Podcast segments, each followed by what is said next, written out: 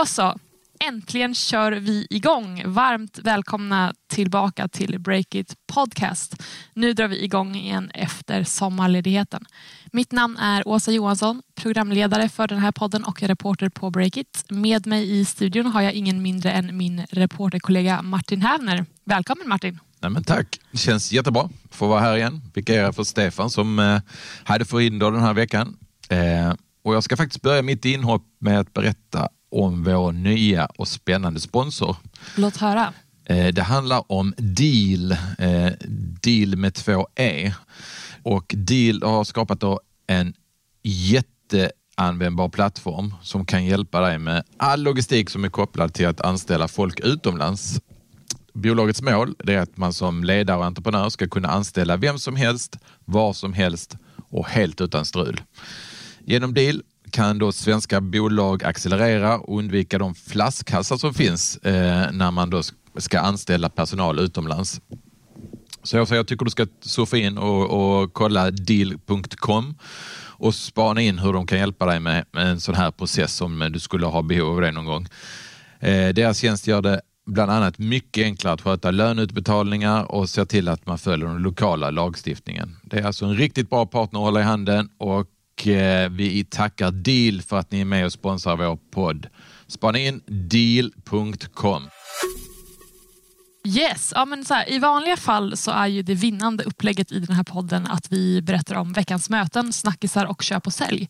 Men i och med att många har varit utcheckade under sommaren och kanske inte har koll på riktigt vad som har hänt i techsfären i Sverige eh, så tänker vi ägna det här avsnittet med att sammanfatta några av de viktigaste nyhetshändelserna från sommaren.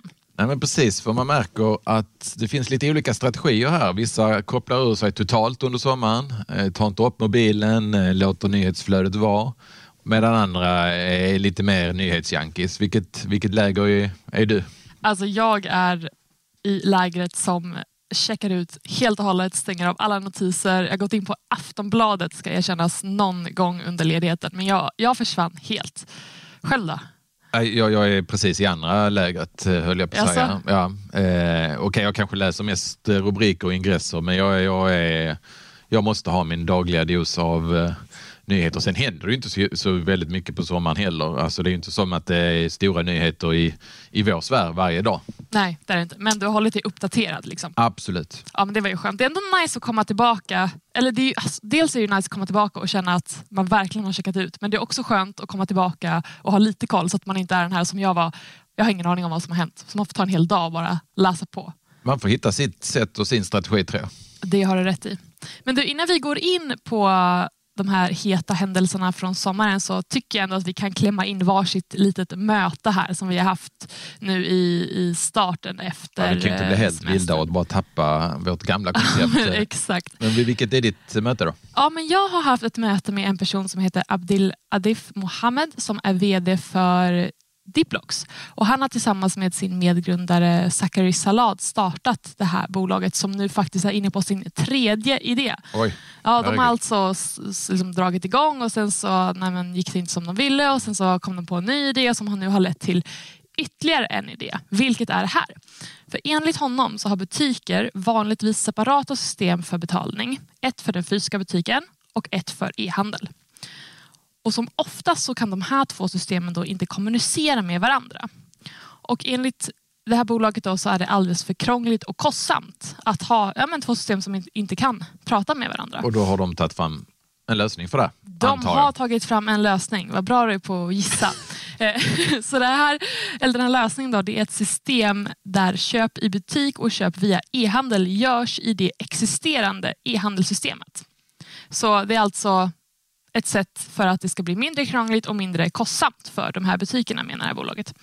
Eh, Och I mars förra året så plockade de in kapital från ett gäng affärsänglar, närmare 2 miljoner kronor trillade in Mm. till kontot och eh, ja, för att utveckla produkten nu. Och nu har de kommit en bra bit och nu ska kassan fyllas på igen.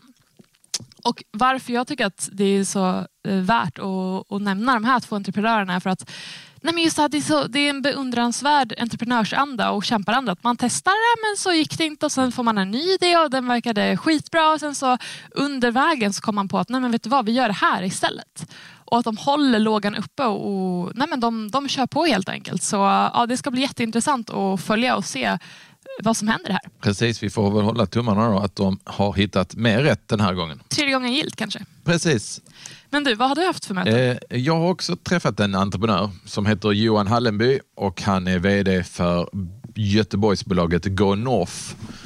Eh, känner du till dem? Berätta lite mer. Jag har lite halvt koll på dem. Det här grundades då bara för några år sedan av just Johan Hallenby som hade ett bolag eller ett varumärke som sålde på Amazons marknadsplats. Okay.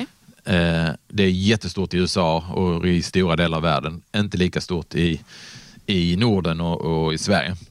Eh, men det här sålde då olika produkter inom träning, tror jag det mest var. Eh, sen tog han in pengar, både lån och aktiekapital och började förvärva andra sådana här eh, mindre varumärken får man då säga, mm som hade nästan all sin försäljning på Amazons marknadsplats, eller all försäljning kan man nu säga. Så ju, idag har det här bolaget Gunnorf, över 30 olika varumärken i olika kategorier. Det handlar om eh, barnprodukter, det handlar om husdjur, det handlar om hushåll, träning och så vidare. Så han, han köper de här bolagen som omsätter då kanske 10, 15, 20 miljoner någonstans i det häradet, gör vinst ofta och så betalar han en viss multipel för, för den här vinsten. Om de gör eh, 2,5 miljoner i vinst så kanske han betalar 4-5 gånger, skulle jag gissa. Mm. Eh, så tanken är då att han ska förvärva, sen ska han då förbättra de här varumärkena han köpt genom den kunskapen han har eh, tillskansat sig de senaste åren och när han gör det så kan han ta in mer pengar till bättre villkor, lite lägre ränta och så, så börjar han om och ska förvärva igen. Då. Han har i en intervju med mig för något år sedan så liknar han där vid en evig eh, raket i en evig omloppsbana eh, i någon slags god spiral. Men nu är frågan om det inte har börjat hacka lite. Eh, för idag, torsdag när vi spelar in detta på förmiddagen, så kommer vi köra ut en artikel att eh, Gonoff har då sagt upp personal. Det handlar inte om så många. Eh, det är en handfull och bolaget har 90-tal anställda. Men har även sagt upp konsulter och så här. Och i min värld så brukar det vara ett tecken på att eh, det går kanske inte helt enligt planerna, även om det, Johan Hallenby aldrig skulle uttrycka sig så. Han menar att detta är del av optimeringen och så vidare. Men det finns lite andra tecken på att det här kan vara lite grus i maskineriet. Jag ska inte avslöja allting utan gå in och läsa artikeln. Den finns där ute nu. Det kommer bli mycket intressant att följa. Ja, men spännande. Det måste man ju såklart in och läsa på breakit.se. Men du, var alltså, intressant det här. Men hur, liksom, har han sagt någonting om hur många bolag han vill förvärva? Eh, det, har han. Alltså, det låter då förra att... hösten jag pratade med honom, eh, då tror jag han till och med nämnde att han skulle ha 50 den här hösten. Så lika många sådana har han inte haft och det är väl möjligt då, för att det inte går riktigt som det ska kanske blivit lite mer eh, defensiv. Jag vet inte. Vi pratar faktiskt inte just om det. Eh, men bolaget ska nu också få ta in nytt aktiekapital för att de har lån, en eh, obligation på nästan en halv miljard som tickar ränta. Så han behöver balansera det med lite mer aktiekapital för att han ska kunna fortsätta den här resan. Spännande. Ja, som sagt, det här får ni inte missa, kära lyssnare. In och läs på breakit.se. Jag tycker att vi eh, hoppar vidare till våra nyhetshändelser från sommaren. Vi har valt ut fyra stycken som eh, ja, men de är väl ändå lite präglade av samtiden får man säga. Det är de här nyheterna som vi har valt ut och det är inte de... Särskilt muntra besked alls. Nej, det är det faktiskt. verkligen inte. Um... men så är det i de här tiderna som vi lever i just nu. Eh, vi märkte det när vi summerade, men titta det är ju rekonstruktioner och det är konkurser. Men det finns faktiskt lite ljuspunkter i det här också. Men ja, varför ska vi säga, känsliga lyssnare varnas här med om man inte vill ha eh, tecken på hur det ser ut där ute. Vi börjar med... Vi börjar med Memo som har gått i konkurs och med det har en kvarts miljard kronor gått upp i rök. Och ja, Det var ju inte jättemuntert det inte. Men vad är det som har hänt? Jo, men det här svenska techbolaget drog igång runt 2019 där med affärsidén att vem som helst genom sin plattform då skulle kunna beställa hälsningar från olika kändisar och skicka de här hälsningarna till ja, med vänner eller familj. Har du testat den här tjänsten Martin? Eh, absolut inte. Det, det, nej, men det, det är jag nog för snål för. Alltså, men sen så att jag tänkte liksom, kanske vid rätt tillfälle hade jag faktiskt kunnat göra det om man hade haft eh, Alltså om någon kompis eller eh, min fru eller något sånt hade sagt att åh, han är så trevlig eller något sånt där. Men sen bara tänkte jag igen, i och med att den här plattformen finns och att man kan betala för, försvinner inte lite poängen då? Då vet ju alla att ja, men det kostar bara liksom Ja, det blir inte lika genuint. Nej, men nej. hade du liksom inte den funnits så man skapar fram en eh, hälsning från Edvard Blom till någon som är väldigt glad i mat. Ja. Så då hade det varit, oh, tack så hemskt mycket, men nu när det finns så vet man att insatsen är ju högst begränsad för ja. den som ger bort presenten. Och det är lite till, för tillgängligt kanske för att det ska vara speciellt. Nej, jag vet inte. Men det, det, är en helt annan diskussion. Det, är... det var inte därför de gick i konkurs, så kan man säga. Nej. Martin, du verkar inte sålt på den här idén, men bolaget blev i alla fall ganska snabbt en succé i början där.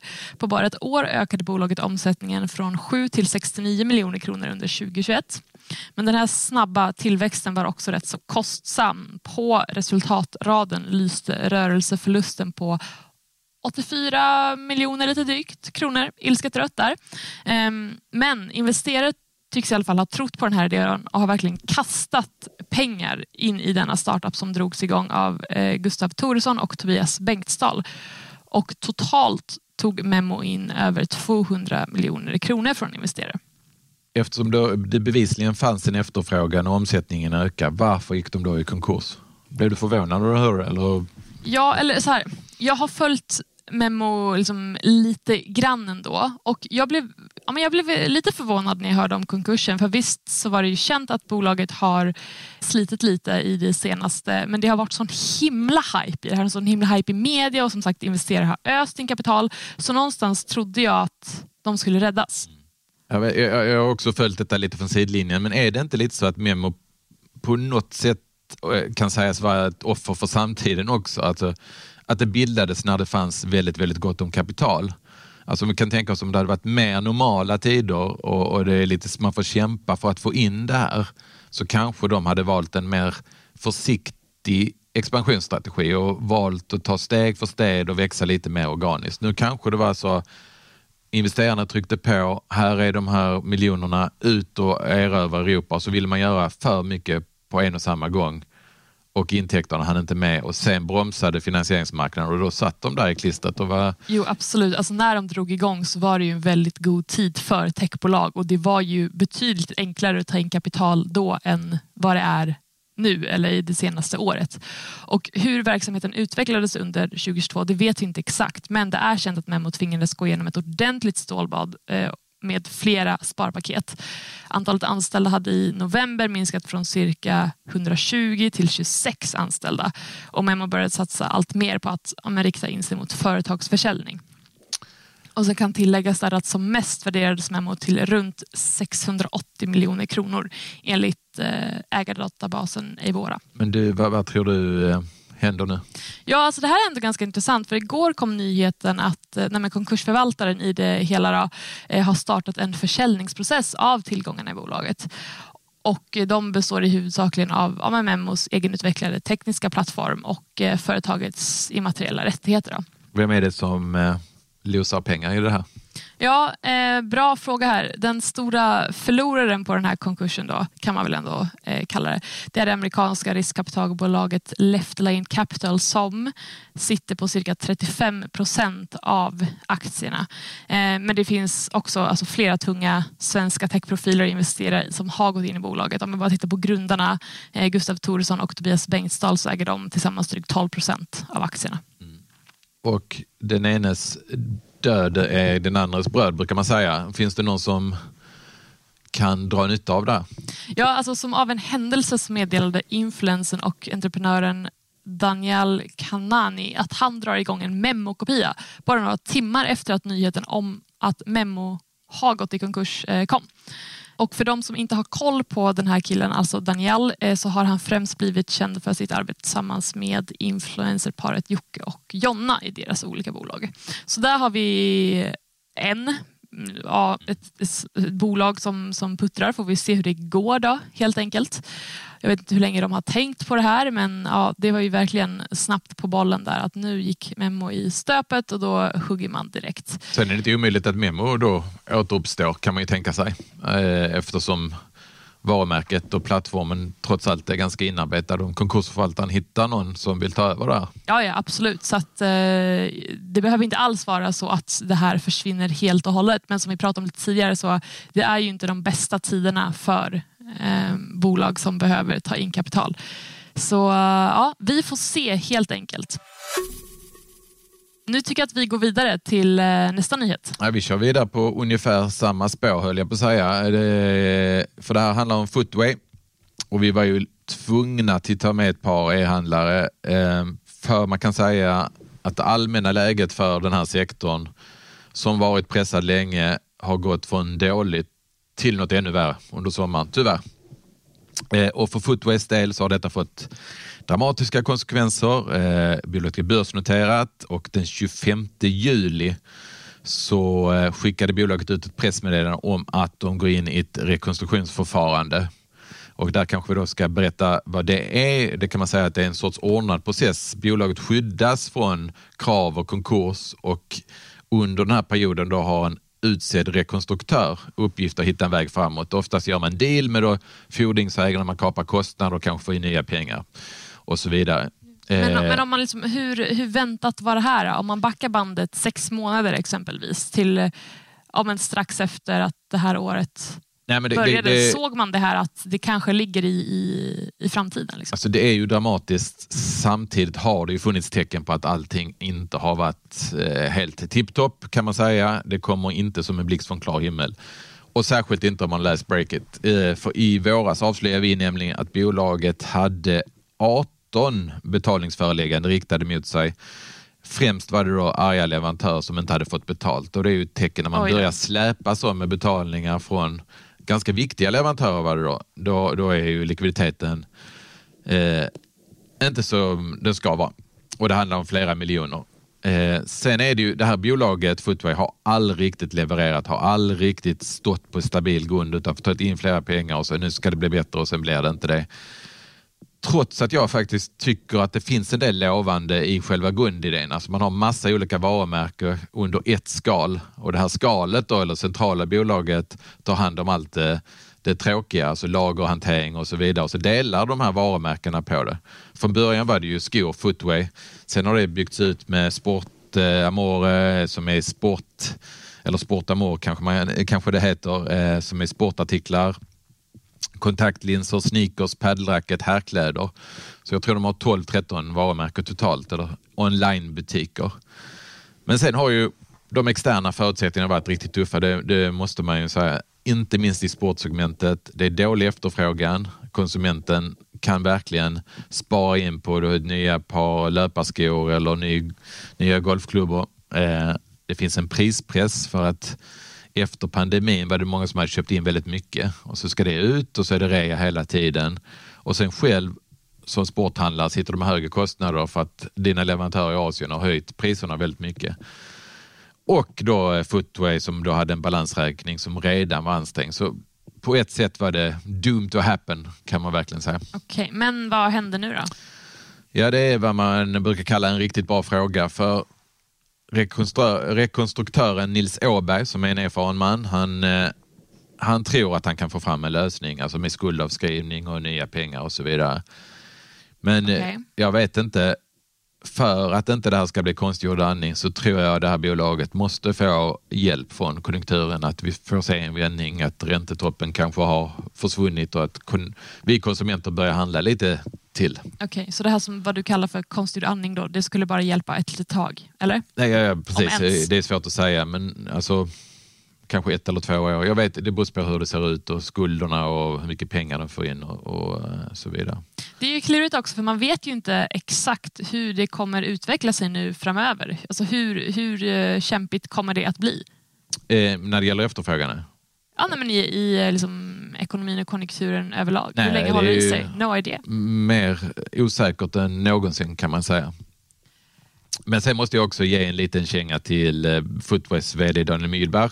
När jag pratade med honom i våras om de här betalningsförläggande så kände han sig citat inte oroad över situationen, tyckte bolaget hade en bra plan och han räknade inte med att göra en nyemission.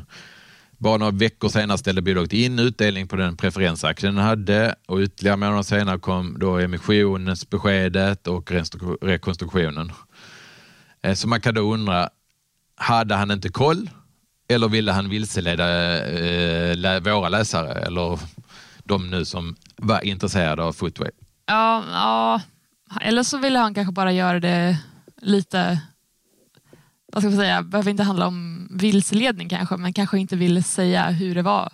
Nej. Tänk om det inte hade liksom riktigt kommunicerats internt och sen så läser man det i media om man jobbar där först. Det kanske Nej, Det finns många olika sätt att uttrycka sig på. Då kan man säga inga kommentarer eller ingenting, men att Det säga att det här är inte oroad och han har en bra plan. Det är vad jag tycker, men eh, vi lämnar det. Och går in på något nästa och här har det sett lite bättre ut. Här har det hänt grejer och vi pratar om Spotify. Och ni som använder den här tjänsten då har säkert märkt att priserna har höjts något eh, under sommaren. Det meddelade musikjätten i juli. Och anledningen, ja, bolaget skrev nämligen då att marknaden har fortsatt utvecklats och för att kunna fortsätta innovera så förändrar bolaget premiumpriserna på ett antal marknader världen över. Lite halvfluffigt kanske, men det betyder väl helt enkelt att ja, man behöver få in lite mer pengar för att utveckla produkten, helt enkelt. Ja. Tol- tolkar jag det som. Eh, och dagen efter det så berättade bolaget att antalet användare med ett premiumkonto då uppgick till 220 miljoner under årets andra kvartal och det är en ökning med 10 miljoner användare från årets första kvartal. Betydligt mer än vad de hade guidat för. Precis. Men Spotify är ju långt ifrån lönsamma. Eh, vad tror du Martin, hur mycket hjälper det att bolaget nu ökat antalet betalande användare så här mycket? Nej, men ökningen av antalet användare är en sak och den, har de, den trenden har de varit inne på sedan flera år. Det ökar varje kvartal och så vidare. Jag tror inte det var något extraordinärt då, men prishöjningen den är sällsynt eh, och den är ju eh, mumma för det faller ju rakt ner. Höjer de för användarna så kommer det rakt ner i resultaträkningen. Man kan tänka sig att antalet kundavhopp som bara säger nej men nu tar de 10 kronor mer, då, då, då slutar jag. Det, det, de är ganska få ändå tror jag.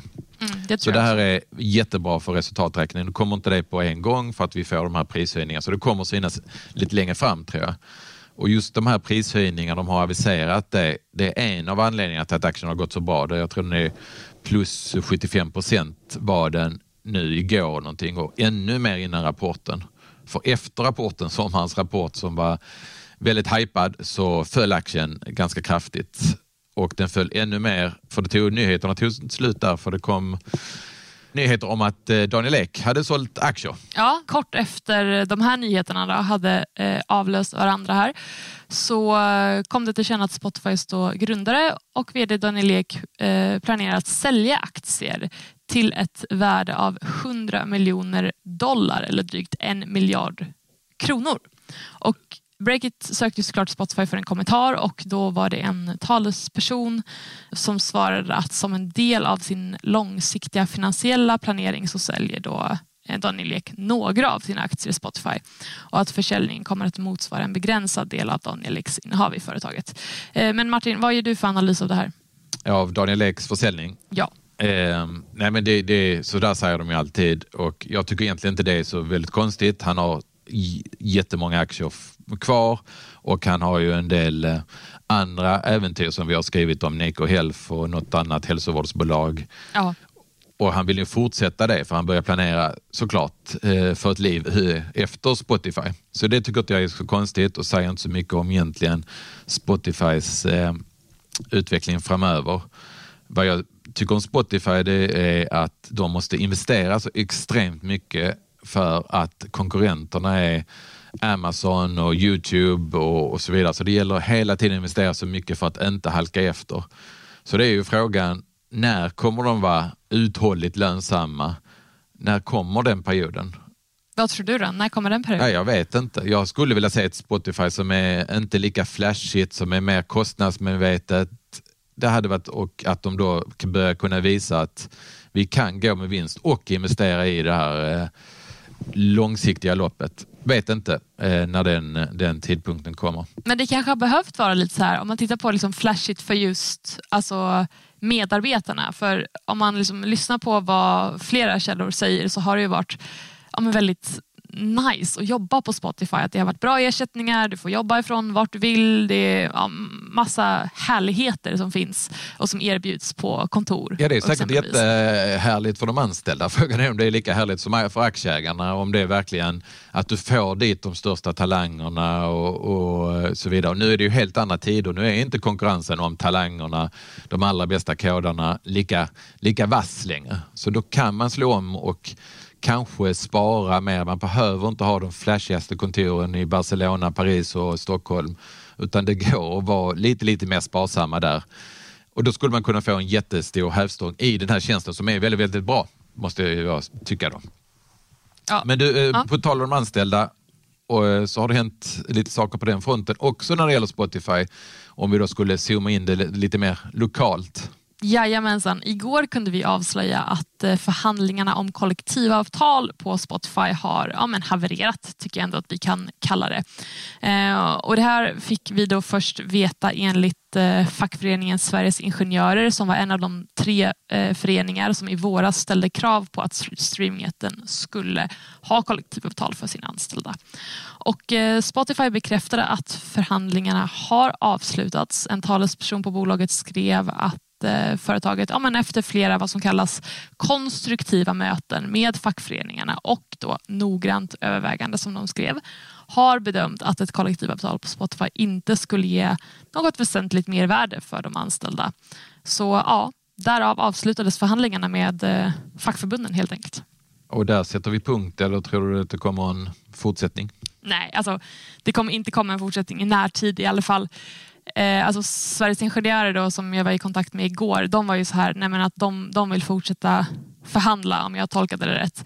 Men Spotify har liksom hela tiden sen det här varit på tapeten i våras som varit tydliga med vart de står i frågan och det är nej till kollektivavtal.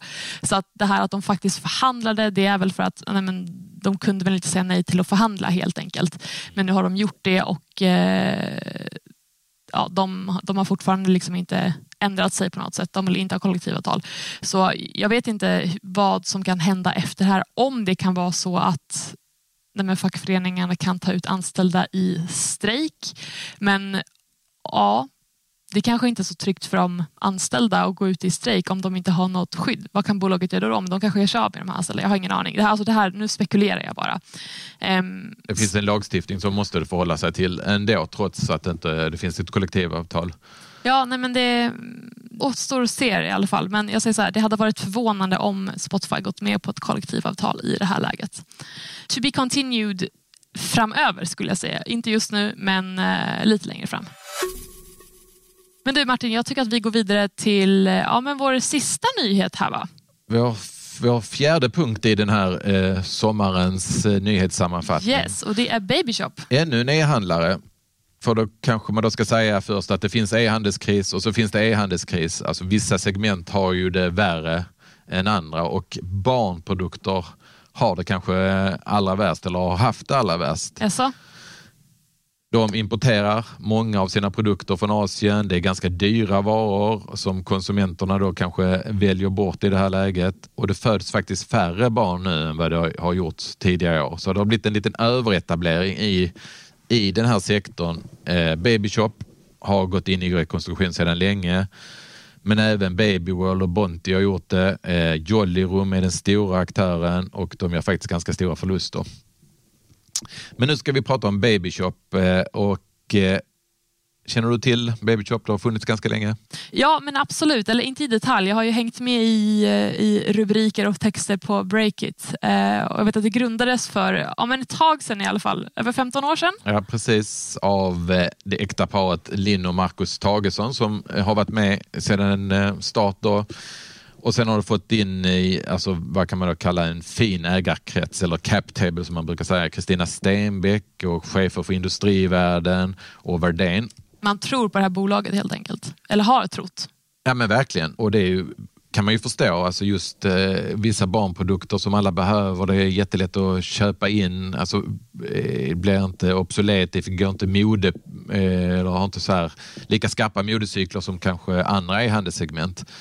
Men då den 25 oktober förra året så ansökte de om rekonstruktion eh, efter att bolaget misslyckats att få in pengar och nu ligger de lite före Footway i den här, vad ska vi kalla det, uppstår och askan-processen. Eh, för den 2 augusti i, nu i somras då, kunde Breakit avslöja att Babyshop räddas från konkurs. Rekonstruktionen godkändes i juli, skulderna skrevs av och så gör bolaget då en massa åtgärder, eh, lägger ner kontoren i London och Paris, den norska verksamheten avvecklas. Samtidigt då kommer grundarna, eh, eh, paret Tagesson, späs ut ordentligt och bolaget får nya ägare i form av Tuban. Eh, det är ett investeringsbolag som grundades av Adam Gillberg som låg bakom snusmärket Skruf, om du känner till det? Ja, nej. Sverige Ekonomi blir också storägare. De har då haft skulder, eller eh, bolaget har haft skulder till de här och de här skulderna görs om till aktier. Och där står vi nu. Där står vi nu. Kommer de att klara sig då? Vad tror du? Det återstår väl att se. De kanske också behöver lite draghjälp av konjunkturen. Men jag tycker de här bolagets ganska nya vd, Karin Minör och ordförande Peter Sundberg, de har deras ledord i den här processen verkar varit enkelhet. De har rensat i sortimentet eh, och skalat ner det då till huvudpunkt i Sverige. Det känns väldigt, väldigt lovande. Så att, ja. Mm, jag håller med dig, det känns lovande. Men också samtidigt för att vara djävulens advokat. Nu har jag inga barn själv, men just som, alltså barngrejer, barnkläder, alltså det känns som att i, i och med att, att alltså små barn växer så himla snabbt så känns det som att man har ganska hög omsättning på kläder och leksaker och så vidare. Som kanske så här, äh, nej jag tänker att det borde finnas en ganska stor second hand-marknad för det här med grejer som inte är så himla slitna att använda. Precis, det, eh, det finns ju vissa sådana som har eh, provat att ha haft affärsidéer inom det man kallar cirkulär ekonomi, men inte heller det har, har funkat. Jag vet kanske många vill ha, tycker att det är enda gången, det enda, enda barnet vi har nu, då ska vi ha en ny barnvagn och, ja, och så vidare. Alltså det är mycket spännande nu som man vill hålla koll på framöver.